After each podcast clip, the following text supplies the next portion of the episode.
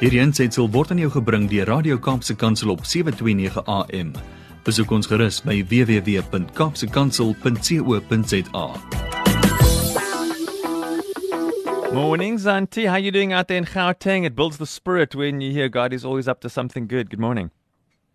Good morning, Brad and Leomi. Nee, dit gaan goed aan hierdie kant. Yeah.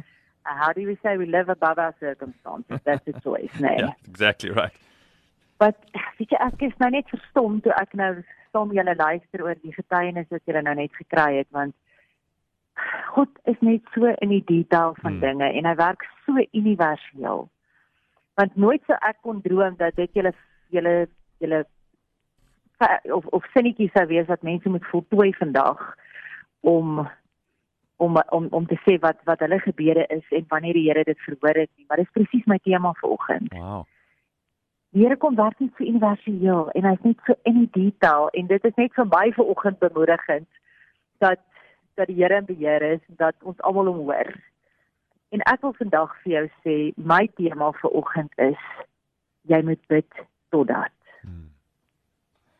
En om te bid tot dat beteken ek en jy moet 'n lang afstand asem hê. Ek en jy soos hulle in Engels sê met longevity. hê. Yeah. Ons moet deursetting vermoë hê. Ons moet aanhou bid tot dat. En ek wil jou bemoedig vir oggend deur vir jou 'n storie te vertel van iemand na wie ek opkyk, iemand wat regtig vir my 'n pa is, um geestelik. Hmm. En die mooiste storie oor hoe hy gekom het waar hy gekom het vandag, maar voor ons begin wil ek vir jou net eers op die woord weer wys vir oggend want die woord van die Here is die, is, is die regte brood wat ons eet. Dis wat ons aan die lewe hou. En ek wil jou bemoedig vandag en ek wil vir jou sê in 1 Korintiërs 15 vers 58 staan daar. Mag jy dit vandag gaan opsoek in jou Bybel, mag jy dit gaan onderstreep. Mag dit jou bemoedig sodat jy kan bid tot dat jou gebed verhoor is vir ander mense.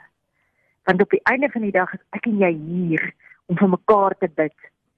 En die grootste gebed wat ons vir mekaar kan bid, is dat Jesus ons saligmaker sal word. Yeah. Dat hy die koning van ons lewens sal word, dat mense tot redding sal kom sodat hulle 'n ewigheidsperspektief in verskyn. Sodat hulle weer die dag as hulle hulle oë toemaak, leef hulle eintlik dan eers.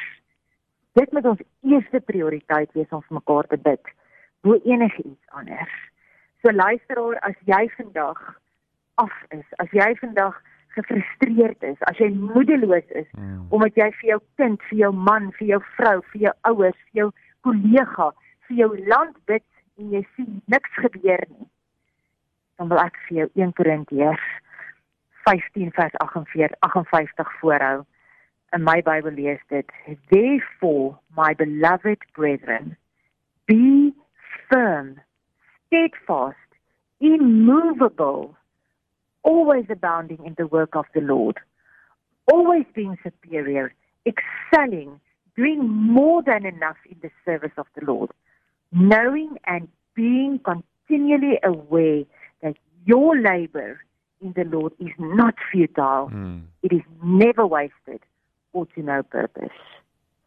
Is dit nie kosbaar nie dat dit 'n belofte is van die Here dat my werk vir hom, my gebede vir hom verander sal nooit futile wees nie.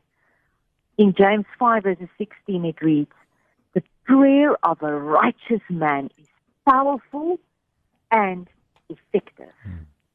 The prayer of a righteous man is powerful and effective. En dan mag jy miskien vanoggend vir my vra, "Joeg, dankie, maar ek ek is nie righteous nie. Ek voel nie ek weet nie of ek is nie. Ek weet nie of ek geregverdig is nie." Wil ek vandag vir jou die goeie nuus bring dat it was a gift. Yes. Jesus aan die kruis vir jou gesterf het. Toe jou lewe vir hom belangrik was. Al was jy die enigste persoon op aarde, sou hy nog steeds Jesus vir jou gestuur het. Weet jy hoe kragtig is dit?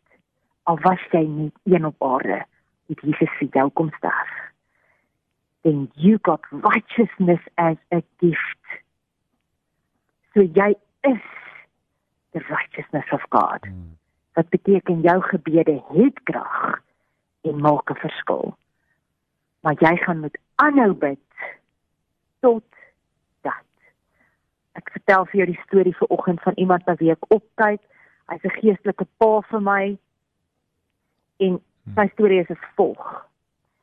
My grandfather worked for the Department of Transport in Texas, USA.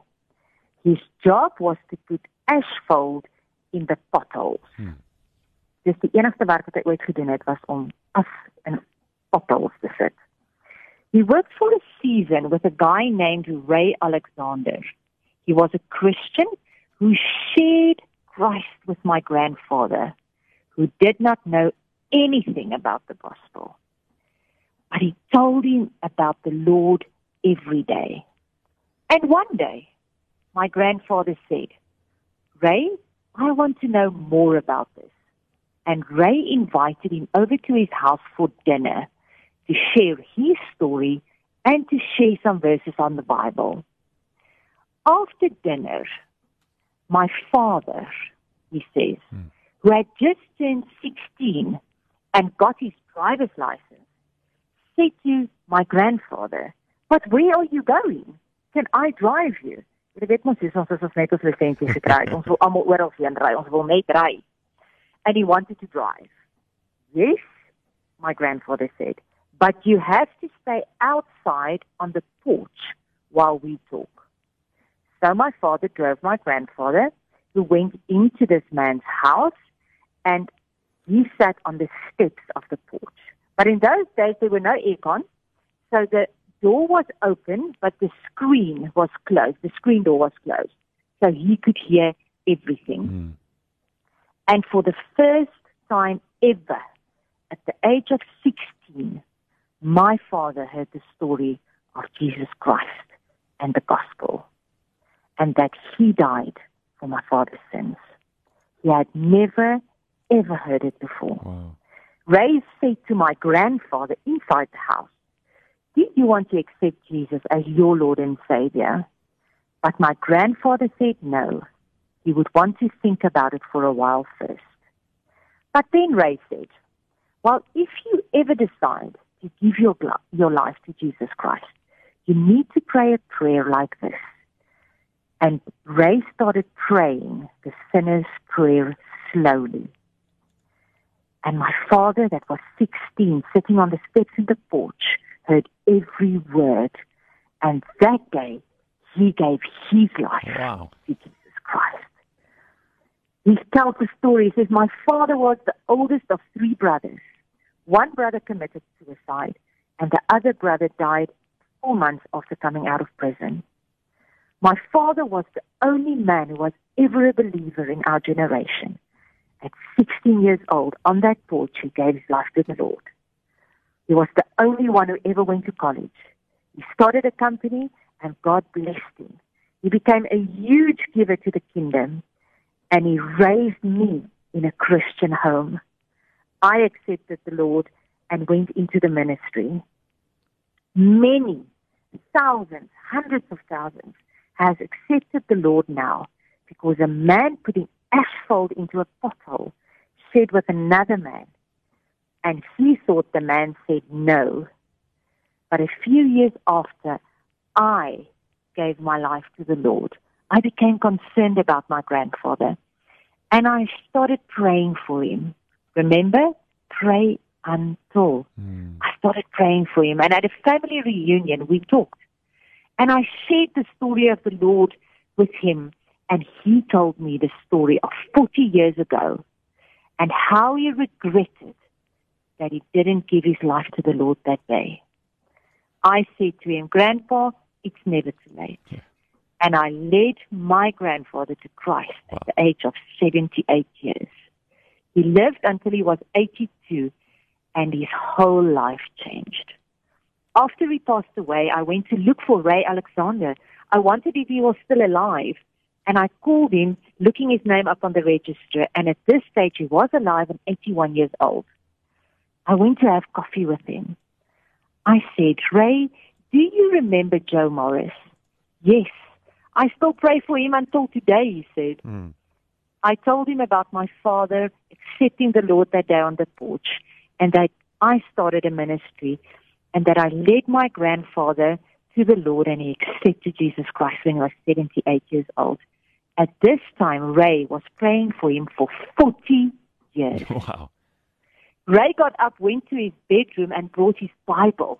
And at the back of his Bible, every person he ever shared the gospel with was names were written behind at the back of his Bible. My goodness. And as they accepted the Lord, he ticked them off. and Yo. the only name that was never ticked off was Joe Morris. Uh, And that day, he ticked that name off. Now, the person telling this story and one of my mentors is Robert Morris. He's the lead pastor of Gateway Church in Texas. Hmm.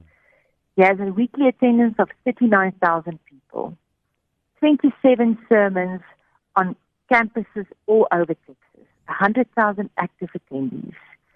He's on 190 country TV stations, 100 1,800 radio stations. Been married for 40 years, has three children and nine grandchildren. Because God was merciful.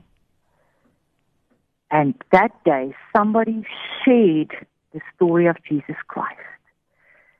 And when that person, when his grandfather didn't accept the Lord, he didn't stop there. He kept praying for 40 years until one day he could tick off that name. amazing. My prayer for you this morning is en my bemoediging wat ek vir jou wil bring. Is as jy bid vir jou broer, jou suster, jou man, jou vrou, jou kinders, jou kollega, iemand in die regering, jou land moet nooit daai naam afval nie. Ek daag jou uit vandag om agter in jou Bybel ook 'n lysie te begin en om te bid tot dat van die skrif van die Here sê prayer of a righteous man is powerful and effective. En om met een kind 'n storie gehoor het op 'n trappie op 'n stoep, sy hart vir die Here gegee het, is 'n generasie verander. Is daar der duisende mense vandag Ja. wat hulle harte vir die Here gee en gered word. Mag dit jou getuienis ook wees.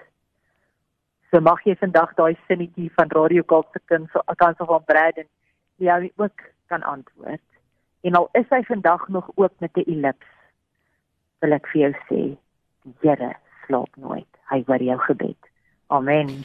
Amen. Thanks, Zanti. Stunning. And uh, yeah, someone saying, I love listening to Robert Morris. Another one says, wow, what a beautiful way to start the day hearing uh, this kind of a conversation, uh, really scriptural based, is encouraging us. What a brilliant program. Thank you very much, Irma. Thank you, Zanti Swanepoel. And we praise God on this beautiful Wednesday morning. Lekker dag vir jou, Zanti. Dankie julle dat Tot Hierdie aansetsel is aan jou gebring deur Radio Kaapse Kansel op 729 AM. Besoek ons gerus op www.kaapsekansel.co.za.